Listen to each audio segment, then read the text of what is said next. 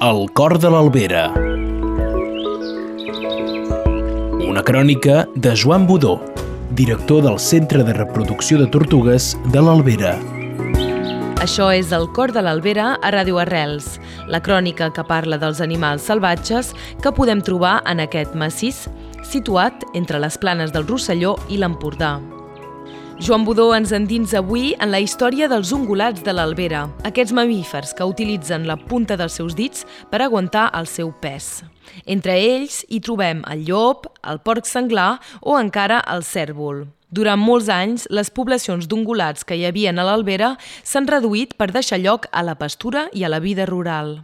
Una de les causes que hi hagi el llop aquí és que, de forma, de forma natural, els nostres boscos, els nostres ecosistemes, han deixat d'estar tan i tan i tan i tan alterats pels humans, és a dir, segles enrere milers de caps de bestiar ocupaven els nostres boscos, les nostres muntanyes, es travia molta fusta, molt de llenya, molt de carbó i les muntanyes nostres estaven molt i molt humanitzades. Aquesta humanització tan extesa durant segles va fer que una bona part dels grans mamífers ungulats que hi havia a la zona desapareguessin entre ells també el propi porc senglar, ara que és tan abundant, però eh, anys enrere, eh, havia, a principis del segle XX, havia pràcticament desaparegut de casa nostra el porc senglar.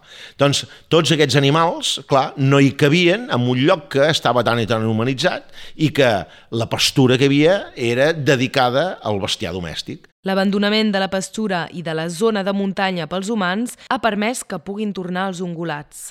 A poc a poc, ja sigui a través d'introduccions o a través d'arribades naturals, molts dels ungulats que eren presents antigament han arribat. Quins són aquests? Doncs, per exemple, els muflons. El mufló, aquí en el Pirineu, en el Pirineu més oriental, a l'Albera ja n'hi tenim, tenim una, bona, una petita població, aquí a, la, aquí a les Salines, a la zona del Vallespí també, a la Vall de Núria, és a dir, s'està escampant aquest animal al llarg d'aquí a tot el Pirineu fins aquí a l'Albera. Què més hi tenim aquí a l'Albera? Doncs, per exemple, les daines, aquest, aquest animal que va ser introduït eh, anys enrere al Parc Natural dels Aiguamolls de l'Empordà, i que també per diferents temes de cacera es van introduir en zones privades de caça aquí al Pirineu, animals escapats, animals alliberats, etc etc, s'han anat naturalitzant i ara en formen poblacions i tenim, també li tenim aquí en molt poca quantitat, però també li podem veure aquí a l'Albera, tot i que també en certes zones d'aquí al Vallespí, doncs també.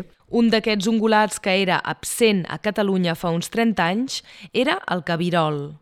El cabirol, penseu que fa com uns eh, 30 anys, pràcticament, pràcticament, era inexistent aquí a, aquí a Catalunya, el cabirol no n'hi havia, no n'hi havia lloc. Es van començar a introduir alguns exemplars al Parc Natural de la, de la zona volcànica de la Garrotxa, al Parc Natural del Cap de Creus també, i en diferents zones d'aquí a la vessant nord del Pirineu, i per si sol aquest animal ha anat ocupant, eh, ocupant tota la carena pirinenca, i aquí a l'Albera ara és relativament abundant. És un animal molt, molt simpàtic i molt maco, molt maco del veure'l.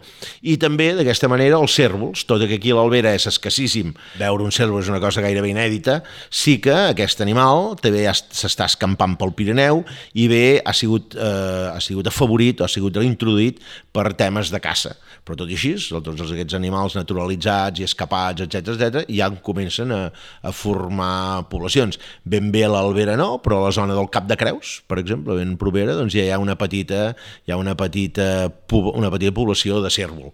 Aquí a l'Albera se n'ha vist algun, eh, i bueno, uns exemplars exemplars aquests magnífics, eh, de 150 quilos, amb unes banyes de, de, de, de, de més d'un metro de, de llargada. Per tant, doncs, tots aquests animals la seva presència és conseqüència d'això, de que tornem a tenir uns boscos naturalitzats, uns boscos vius, i amb ell també, a part d'aquests, hi hem de comptar-hi el porc senglar, eh? és aquest animal que s'ha proliferat tant i tant i tant. Doncs bé, doncs gràcies a tots aquests ungulats, a tots aquests animals que trobem de forma salvatge i que pràcticament la pressió dels domèstics ha, ha desaparegut, doncs amb això, amb aquests animals, doncs qui ha arribat? Ha arribat el llop. Això era El cor de l'Albera a Ràdio Arrels, una crònica de Joan Budó, director del Centre de Reproducció de Tortugues de Garriguella. Si voleu reescoltar aquest episodi o els anteriors, sempre ho podeu fer a través de la web www.radioarrels.cat o a l'Spotify de la ràdio.